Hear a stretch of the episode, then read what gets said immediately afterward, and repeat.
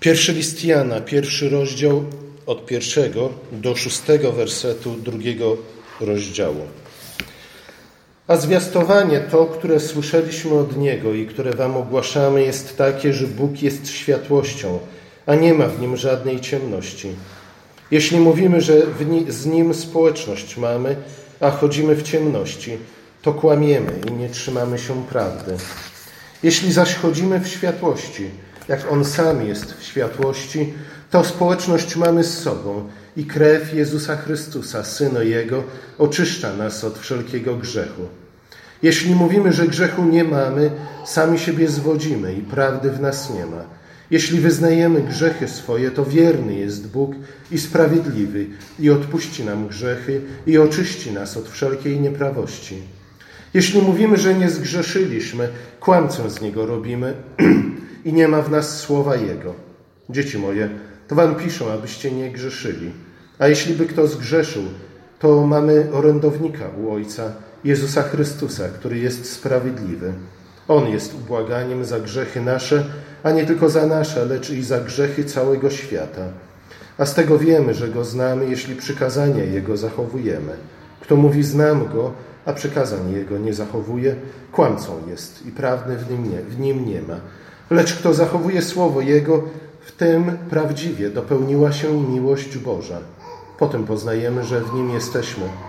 Kto mówi, że w Nim mieszka, powinien sam tak postępować, jak On postępował.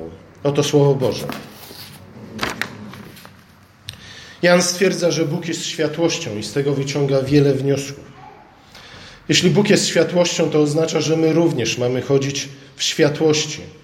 A kiedy mówi o tym, co to znaczy chodzić w światłości, to stwierdza, ma na myśl miłość braterską.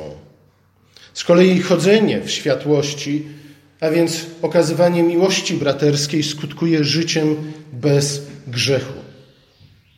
Ale jeśli to skutkuje życiem bez grzechu, to znaczy, że życie bez grzechu jest celem, do którego dążymy, a nie celem, który już osiągnęliśmy. Dlatego nikt nie może stwierdzić, że jest bez grzechu, ze względu na to, że nikt z nas nie kocha brata tak, jak powinien go kochać. Nie chodzi w światłości tak, jak powinien chodzić w światłości. Nie jest święty, jak Bóg jest święty.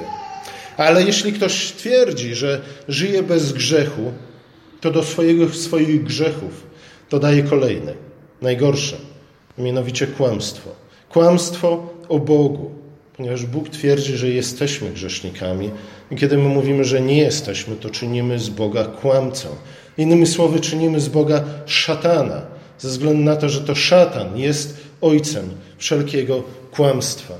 Dlatego chodzenie w światłości rozpoczyna się w gruncie rzeczy od prostej, ale strasznie ciężkiej i trudnej rzeczy, a mianowicie od wyznania grzechów. Kiedy wyznajemy grzechy, to pokazujemy, że Słowo Boże mieszka w nas i wydaje swój owoc, i zaczyna wydawać owoc. Skoro Bóg jest światłością, jeśli chcemy żyć we wspólnocie z Bogiem, to musimy chodzić w światłości.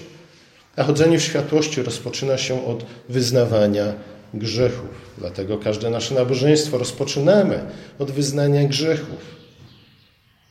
To wyznanie grzechów zawsze jest skuteczne. Ponieważ jeśli wyznajemy nasze grzechy szczerze, Bóg śpieszy z zapewnieniem o przebaczeniu i pojednaniu. Ale jeśli wyznajemy nasze grzechy nieszczerze, Bóg śpieszy z sądem i z przekleństwem. Oczywiście pomiędzy tymi dwoma jest jeszcze cierpliwość Boga, ale wiemy, co się dzieje z tymi, którzy cierpliwość Bożą traktują jak przyzwolenie na trwanie w grzechu i w kłamstwie. A zatem w tym fragmencie, jak i w całym liście Jan mówi tak naprawdę o dwóch rzeczach. O pierwsza to jest miłość, a druga to jest prawda. Ze względu na to, że wyznawanie grzechów jest właśnie tymi pierwszymi kroczkami, które czynimy na drodze prawdy. Jeśli twierdzimy, że zależy nam na prawdzie, że walczymy o prawdę, że kochamy prawdę, to musimy wyznawać nasze grzechy. Innej drogi nie ma. Jeśli nie wyznajemy naszych grzechów, to wszelkie nasze zapewnienia o tym, jak bardzo kochamy prawdę, jest, są kłamstwem, wierutnym kłamstwem. I w tym naśladujemy innego z naszych ojców, a mianowicie szatana. Widzicie, miłość to pragnienie, ale też dążenie do tego, aby druga osoba rozwijała się i rozkwitała. To życzenie pomyślności dla drugiej osoby. Prawdę z kolei mamy mówić przede wszystkim do siebie, o samym sobie. A początkiem tej prawdy jest wyznanie grzechów. Niestety zazwyczaj te dwie rzeczy odwracamy i aplikujemy prawdę do naszych bliźnich. Bardzo chętnie wytykając im ich grzechy, wyznając im ich grzechy, a bo ty to, a bo ty tamto, a nie pamiętasz. Jeśli tak czynimy, jeśli prawdę kierujemy w pierwszej kolejności do bliźniego, a nie do siebie, jesteśmy kłamcami, tkwimy w grzechu i szatan jest naszym ojcem. Miłość z kolei niestety zazwyczaj kierujemy najpierw ku sobie. Któż nie kocha samego siebie? Wszyscy. Wchodzimy na Facebook, znajdujemy zdjęcie, które ktoś tam wrzucił, zdjęcie z imprezy, w której uczestniczyliśmy, która, czyja twarz pierwsza rzuca nam się w oczy. Nie wiecie? Moja własna oczywiście. Zawsze szukamy najpierw siebie na tym zdjęciu. Co może nie jest samo w sobie świadectwem o tym, że jesteśmy dziećmi szatana, ale to wskazuje na to, że jednak jesteśmy w gruncie rzeczy ludźmi, którzy strasznie się kochają. Nawet jak jesteśmy brzydcy i nie podobamy się sobie, to ten rozczarowanie naszym własnym wyglądem, czy też postawą, czy słowami jest podyktowana tym, że w gruncie rzeczy chcielibyśmy siebie kochać i chcielibyśmy, żeby inni nas kochali. Ale Jan mówi nie, tak nie może być. Słuchajcie, prawdę musimy zaaplikować nie tylko i wyłącznie, ale w pierwszej kolejności do samych siebie. Miłość z kolei musimy aplikować nie tylko i wyłącznie, ale w pierwszej kolejności do naszego bliźniego. Ponieważ Bóg jest światłością, więc my również mamy chodzić w światłości. Co to znaczy, że Bóg jest światłością? Biblia bardzo wiele ma do powiedzenia na temat światłości. Mówi, że światłość jest źródłem życia.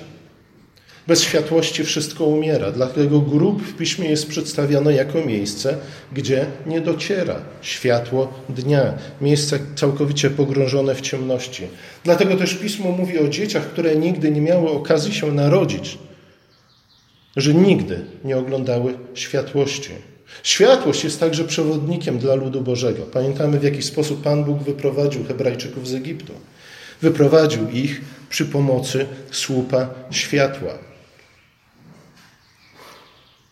Podobnie światłość Boża prowadzi nas przez mroki śmierci, a ten świat wciąż jest w nich pogrążony. Wciąż śmierć panuje w tym świecie. Światłość służy również do tego, aby ujawniać rzeczy ukryte.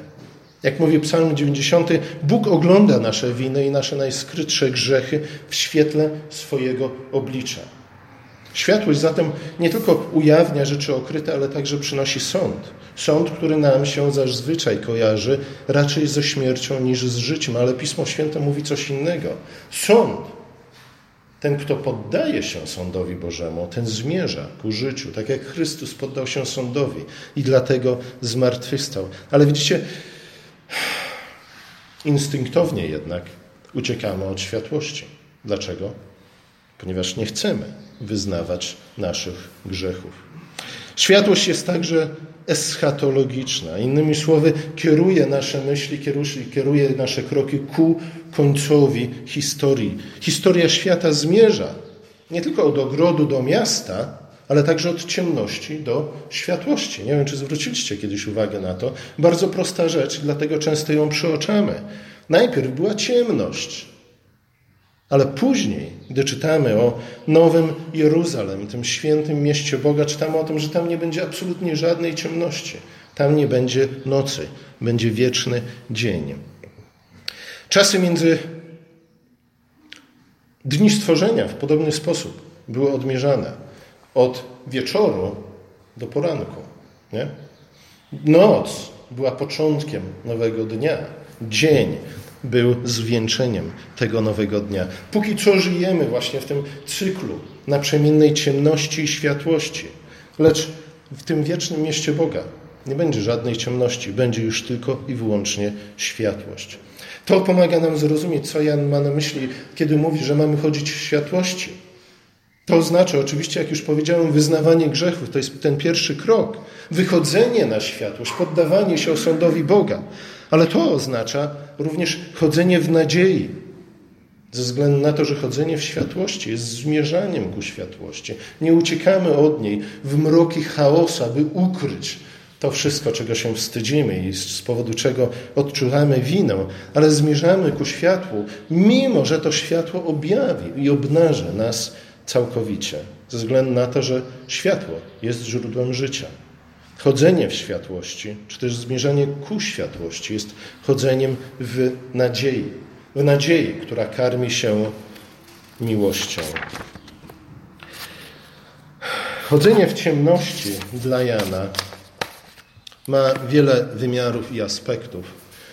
Kiedy Jan mówi o chodzeniu w ciemności, ma na myśli między innymi to, co nazywamy judaizowaniem, a zatem spoglądaniem, ciągle z nostalgią, z sentymentem, w bardzo romantyczny sposób ku temu, co było, ku Staremu Przymierzu. Odgrzewanie i odświeżanie zwyczajów i świąt ustanowionych przez Boga, ale jednak ustanowionych dla Żydów, a nie dla chrześcijan. Przede wszystkim jednak chodzenie w ciemności dla Jana to brak miłości braterskiej. W związku z tym chodzenie w światłości oznacza przede wszystkim oczywiście wyznawanie grzechów, ale to wyznawanie grzechów umożliwia nam życie w miłości, w miłości do braci w Kościele, trwanie we wspólnocie Kościoła. Słuchajcie, e, oczywiście różne są sytuacje, różne są powody, nie chcę tutaj za bardzo generalizować, ale bardzo często ludzie odchodzą z kościoła dlatego, że mają we własnym sercu jakiś niewyznany grzech w stosunku do tych, których niestety muszą spotykać twarzą w twarz każdej niedzieli, aby uniknąć tych wyrzutów sumienia, usuwają się. Oczywiście później, post factum, wymyślają mnóstwo różnych powodów i przyczyn. E, ale słuchajcie, to jest właśnie to, kiedy nie zaczynamy od wyznawania grzechów, to znaczy, że nie chodzimy w prawdzie. To znaczy, że te wszystkie powody i przyczyny, które później, którymi później karmimy sami siebie i innych, są tylko i wyłącznie listkiem figowym, który ma zakryć naszą sromotę. A jednak jesteśmy grzesznikami i o tym również nie powinniśmy zapominać. Kiedy więc pada na nas światłość Boża, wtedy naszym pierwszym instynktem jest ukryć się, ukryć swoją nagość, jak Adam i Ewa uczynili to w ogrodzie, ukryć pod osłoną liści figowych. Ale te liście figowe są nawet gorsze od krwi wołów i owiec ze Starego Przymierza, przelewanych na ofiarę, które miały zmyć grzechy ludu. Czasami niestety dopuszczamy się jeszcze większego zła i oskarżamy innych, naszych braci za własne winy. Kozioł ofiarny zawsze się znajdzie. Najdejście światłości przeraża nas, kiedy nasze uczynki są złe, a one są złe. Pragniemy je ukryć. Ale widzicie, tutaj właśnie spotykamy ten, moglibyśmy powiedzieć, paradoks Ewangelii, a mianowicie, że ukryć nasze złe uczynki, ukryć nasze grzechy możemy tylko i wyłącznie wtedy, gdy wyjdziemy na światłość, gdy oświeci nas światłość Boża, a nie wtedy, kiedy wrócimy w ciemności chaosu. Na dłuższą metę wszystkie te sztuczki tak naprawdę nic nie dają. Ewangelia rzuca, rzuca światło na nasze życie, czy tego chcemy, czy nie. Jedynym sposobem na oczyszczenie się z naszych grzechów nie jest ukrywanie się w ciemności chaosu, ale wyznanie, wyjście na światłość. Moglibyśmy nawet powiedzieć, że wszelka próba ukrycia grzechów koniec końców prowadzi nie tylko do pomnożenia ich, ale także do ich wyeksponowania, ze względu na to, że Kłamstwo w końcu czy prędzej zostaje ujawnione. Szydło prędzej czy później wyjdzie z worka. Chodzenie w światłości oznacza zanurzenie się w światłości, mimo że światłość odkrywa nasze grzechy. A może raczej powinniśmy powiedzieć, chodzenie w światłości oznacza zanurzenie się w światłości ze względu na to, że jedynym ratunkiem dla nas jest właśnie odkrycie naszych grzechów. Światłość odkrywa nasze grzechy po to, aby je ukryć ale ukryć je w jedyny możliwy i sensowny sposób, a mianowicie ukryć ją je pod krwią Chrystusa. Często mówimy o tym, że krew Chrystusa oczyszcza nas z naszych grzechów i Jan również to stwierdza, ale tu w tym fragmencie mówi, że e, krew Chrystusa ukrywa, ukrywa nasze grzechy. Oczywiście pod warunkiem, że chodzimy w światłości, pod warunkiem, że wyznajemy nasze grzechy, pod warunkiem, że kochamy naszych braci choć są grzesznikami, takimi jak my. I oczywiście tutaj nie chodzi o takie zbratanie się grzeszników. Nie, ja jestem grzesznikiem, ty jesteś grzesznikiem, wszyscy jesteśmy grzesznikami, więc nie ma się czym przyjmować. Nie, nie o to chodzi. Chodzi o to, że ja jestem grzesznikiem, ty jesteś grzesznikiem. W związku z tym być może nie tylko powinniśmy wyznawać nasze grzechy, ale także być przynajmniej ociupinkę cierpliwi i wielkoduszni w stosunku do siebie nawzajem. Jan ukazuje Chrystusa w podwójnej roli w tym fragmencie. Jezus jest w pierwszej kolejności naszym orędownikiem, czyli adwokatem, czyli tym, który w sądzie nas broni. Wstawia się za nami. Wstawia się za nami przed Ojcem. Także oskarżenia szatana, który z kolei pełni tutaj rolę prokuratora, nie są jedynym głosem słyszanym na sądzie Bożym. Ale Jezus jest przede wszystkim ofiarą przebłagalną za nasze grzechy. I kiedy Jan mówi o, o ofierze przebłagalnej za nasze grzechy, używa greckiego słowa hilasmos. Nie musicie go pamiętać, ale musicie je skojarzyć z jedną rzeczą. A mianowicie z wiekiem skrzyni, czyli Arki Przymierza. Ona w greckim tłumaczeniu Starego Testamentu była nazwana hilastorion. Te dwa słowa są spokrewnione z sobą. Ona jest często nazywana przebłagalnią ze względu na to, że właśnie tam kropiąc wieko skrzyni przymierza, kropiąc ten hilasterion albo kaporet po hebrajsku, krwią zwierzęcia złożonego w ofiarę, arcykapłan dokonywał najważniejszego i głównego przebłagania raz w roku. A zatem Jezus jest tym wiekiem skrzyni przymierza. Ale co to oznacza? Aby to zrozumieć, krótko, krótko przypomnienie. Czym była arka? Czym była skrzynia przymierza? Była mikrokosmosem, a, a zatem była symbolicznym przedstawieniem całego wszechświata, ludu Bożego, ale też poszczególnego wiernego. W środku ukryte były tablice dekalogu, które symbolizowały co? Mądrość Bożą. Była ukryta laska Aarona, która symbolizowała chwałę. Była ukryta manna, która symbolizowała życie. Te trzy główne dary, którymi Bóg nas obdarowuje za każdym razem, gdy przychodzimy na nabożeństwo. Chwała, mądrość, życie. Chwała to wyznanie grzechów i absolucja. Mądrość to czytanie i zwiastowanie Słowa Bożego, a życie to karmienie się chlebem i winem, ciałem i krwią Chrystusa. Wieko Arki zakrywała, ukrywała te trzy dary Boga.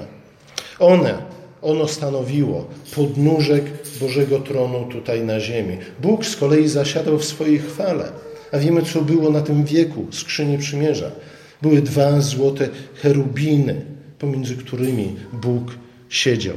Gdy od czasu do czasu jesteśmy w stanie dzięki Pismu Świętemu zaglądnąć do nieba, to właśnie tak widzimy Boga. On zasiada między cherubinami, a z kolei przed Nim, w Jego sali tronowej tam w niebie jest potężna, nieruchoma, niczym niezmączona tafla wody która symbolizuje nic innego jak właśnie firmament. Firmament, który Bóg umieścił pomiędzy niebem a ziemią. Oczywiście nie mówimy tutaj w kategoriach kosmicznych czy kosmologicznych. E, mówimy tutaj w kategoriach biblijno-symbolicznych. To wieko symbolizowało właśnie firmament. Ale co to wszystko znaczy? To znaczy, że Bóg spogląda ze swojego tronu w niebie na ziemię, na całe stworzenie, a przede wszystkim na swój lud poprzez firmament. Ale Chrystus jest naszym firmamentem. To znaczy, że Bóg spogląda na nas, na swój lud przez pryzmat Chrystusa. To znaczy, że jeśli jesteśmy ukryci w Chrystusie, On przykrywa skutecznie nasze grzechy. Wtedy Bóg się, Ojciec się nami raduje, ponieważ patrząc na nas, widzi Chrystusa i tym, kim jest i to, kim jesteśmy w Chrystusie, przede wszystkim kim będziemy w Chrystusie. A zatem wyeksponowanie jest jedynym, a na dodatek doskonałym przykryciem i ukryciem naszych grzechów. Ale to dokonuje się tylko wtedy, kiedy wychodzimy na światłość, kiedy poddajemy się osądowi Słowa Bożego, kiedy przyjmujemy je. Być może z drżeniem, nie wiedząc, co ono na koniec dla nam przyniesie, ale z drugiej strony właśnie w nadziei, że zostaniemy w końcu uwolnieni od tego balastu, który tak nieskutecznie do tej pory próbowaliśmy się pozbyć, przy okazji niszcząc jedną relację za inną relacją. Gniew Boży, o którym tutaj czytamy, gniew, który jest uśmierzany przez Chrystusa, jeśli jesteśmy ukryci w nim, nie jest nienawiścią, nie jest życzeniem śmierci ze strony Boga, ale jego reakcją na miłość Bożą nam okazaną, którą myśmy odrzucili. Jezus, ten gniew Boży nie dotyka nas już więcej, jeśli Bóg spogląda na nas przez Chrystusa. Jezus broni nas, stawiając się za nami. Więc, mówi Jan, któż by nas oskarżał? Oczywiście szatan będzie nas oskarżał, ale te jego oskarżenia straciły wszelką moc. A jednak, mimo wszystko, nie, możemy sobie to jakoś włożyć do głowy, poukładać w naszych mózgowiach, ale mimo wszystko to nie do końca skutkuje w naszym życiu. Bo mimo wszystko często myślimy, że Bóg chyba jednak wciąż gniewa się na nas, a może nawet źle nam życzy. Czasami wręcz postrzegamy Pana Boga, zwłaszcza jak nie układają nam się rzeczy w życiu, jakby był kosmicznym złośliwcem, czyhającym tylko na nasze potknięcie, żeby nam dopiec, a może nawet prowokującym te potknięcia, żeby nam dopiec. Kiedy doznajemy kolejnej porażki w szkole na przykład. Może nikt z Was nigdy nie doznał tej porażki, ale kiedy na przykład choruje nam dziecko, kiedy tracimy po raz kolejny pracę, a może kiedy rozpada i rozsypuje się nasze małżeństwo, wtedy często naszą pierwszą instynktowną reakcją jest Bóg znów mnie pokarał, Bóg znów mi dopiekł, Bóg chyba nie do końca jest ze mnie zadowolony. Takie myśli skutkują zazwyczaj tym, że zamiast wychodzić na światłość i chodzić w światłości, próbujemy uciekać z powrotem w mroki ciemności. Biblia jednak wyraźnie stwierdza, że dla tych, którzy są w Chrystusie, nie ma już potępienia. Dlatego, że nie dlatego, że jesteśmy doskonali, nie dlatego, że przestaliśmy grzeszyć, ale dlatego, że jesteśmy ukryci w Chrystusie. O tym przypomina nam chrzest. O tym świadczy Wieczerza Pańska. O tym słyszymy każdej niedzieli, niedzieli, kiedy wyznajemy nasze grzechy i słyszymy absolucję. A wyznajemy nasze grzechy po to, żeby one już więcej nas nie zniewalały, ale abyśmy mogli żyć w braterskiej miłości. Wyznając nasze grzechy, świadczymy, że chodzimy w światłości, że nie uciekamy przed Bogiem, że ufamy Jego Słowu i Jego obietnicom, które zapewnia nas, że Bóg jest wierny i sprawiedliwy i odpuszcza nam grzechy nasze. Jeśli ludzie mają jakieś problemy natury psychologiczno-społecznej, kto wie, czy najczęściej właśnie to nie jest tego przyczyną. To, że nie do końca wierzymy w to, że Bóg jest wierny i sprawiedliwy i odpuszcza nam nasze grzechy i próbujemy poradzić sobie z tymi grzechami w inny sposób. Ale jak już mówiłem, te inne sposoby zawsze prowadzą do destrukcji, zniszczenia, i tak dalej, i tak dalej. Jeśli więc zmagamy się z brakiem pewności, jeśli wątpimy w przychylność Boga, jeśli nie odczuwamy radości zbawienia, jeśli brakuje nam chęci do trwania we wspólnocie braci, to rozwiązaniem jest pokuta, wyznanie grzechów i chodzenie w światłości. Ja wiem, że mogliśmy powiedzieć, Jan zbytnio to upraszcza, ale Jan mówi tutaj o pierwszych krokach nie? o tych małych kroczkach, które z jednej strony trudno nam jest uczynić, ze względu na to, że mamy wewnętrzne opory przed nimi, ale z drugiej strony nie ma może nic prostszego niż wyznać grzech i zacząć chodzić w światłości, nie oczekując wielkich rzeczy od razu, nie oczekując pełnej świętości od razu, ale jednak w nadziei zmierzać ku światłu. Wyznaj swoje grzechy temu, który umarł za ciebie na krzyżu.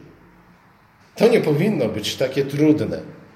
E, przy okazji, jeśli zgrzeszyłeś przeciwko bliźniemu, być może powinieneś również przed nim wyznać swoje grzechy. E, I przestań mnożyć grzechy. Przestań żyć w grzechu. Przestań, ukrywając się w ciemności, hodować swoje grzechy. Jeśli nie masz do tego siły, a często nie mamy do tego siły, aby przestać brnąć w grzechu, to módl się.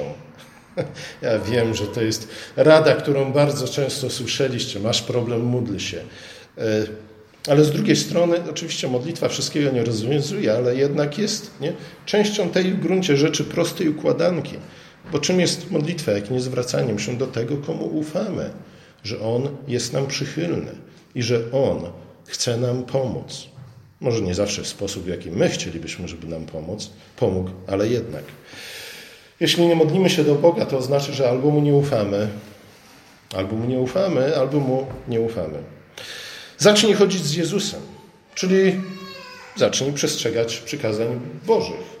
E, pełny sukces oczywiście nie przyjdzie od razu, ale do doskonałości dochodzi się małymi krokami. Słuchajcie, ja wiem, wszyscy mamy problem z cierpliwością też, nie? I chcielibyśmy, że zobaczyć, przyjść, przyjść na nie, w niedzielę na nabożeństwo, wyznać grzechy, nie? I oczekiwać, że jak wrócimy do domu, to wszystko już się nam poukłada, dokładnie tak, jakbyśmy chcieli. Nie, tak to nie działa.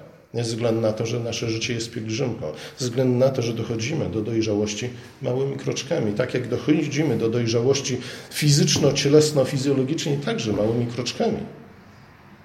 Nie? Dziecko, które się rodzi, trochę się różni od człowieka, czy też osobnika w pełni wyrośniętego. Dziecko, które się rodzi, musi czekać i wiele kroczków uczynić, żeby dojść do pełni dojrzałości. Tym bardziej odnosi się to do życia duchowego. Przede wszystkim jednak zastanów się, w jaki sposób traktujesz braci w Chrystusie. I siostry. Oczywiście mówię tutaj bracie ze względu na to, że ten sposób autorzy Nowego Testamentu mówią o genderyzmie, może porozmawiamy kiedy indziej. Jak traktujesz, pomyśl, zastanów się, jak traktujesz ludzi w swoim najbliższym otoczeniu. Jak odnosisz się do swoich dzieci? Czego ich uczysz? Do czego je zachęcasz? Jak odnosisz się do swojej żony? Czy traktujesz ją jako służkę, czy raczej jako swoją chwałę? Jak odnosisz się do sąsiada z zapłotu? Ja wiem, moi sąsiedzi z zapłotu urządzili sobie imprezę, która trwała oho, ho, chyba tak długo jak impreza naszej młodzieży w zeszłym tygodniu. Różnica była taka, że impreza naszej młodzieży tu się odbywała i była trochę cichsza. Trudno jest czasami y, kochać y, sąsiada z zapłota, ale Amerykanie mają takie bardzo fajne przysłowie. E, dobry płot jest tym, co sprawia, że mamy dobrych sąsiadów. Nie? Dobry płot to jest coś, co z jednej strony e, wyznacza granice między naszym a ichnym, ale z drugiej strony płot jest dokładnie tym, co nas łączy z tymi, którzy żyją po drugiej stronie płotu. Jak rozmawiasz ze swoimi dziećmi? Jak przygotowujesz je do dorosłego życia? Czego uczysz je? Nie przede wszystkim słowem, ale przede wszystkim przykładem. Czy traktujesz bliźnich tak, jakbyś chciał, żeby ciebie traktowali? Nie, dochodzimy z powrotem. Nie tyle do kanta, co do kazania na górze. Czy lgniesz do ciała Chrystusa, czy raczej traktujesz je jako piąte koło uwozu? I tak dalej, i tak dalej. Jeśli pragniesz, żeby świt rozproszył mroki nocy Twojego życia, jeśli chcesz poddać się prowadzeniu do Bo Bożemu, jeśli chcesz zmieniać ku światłości, raczej niż z powrotem ku ciemności, to wołaj do Niego, aby dał Ci siłę do pokuty aby pomógł Ci zacząć, zacząć okazywać miłość braciom w Chrystusie. Gdyż, jak czytamy w psalmie, w Księdze Przypowieści, droga sprawiedliwych, drogą sprawiedliwych, droga sprawiedliwych jest jak brzask, który się rozjaśnia aż do pełni dnia. Zaś droga niegodziwych jest jak ciemność, nie wiedzą, o co się potkną.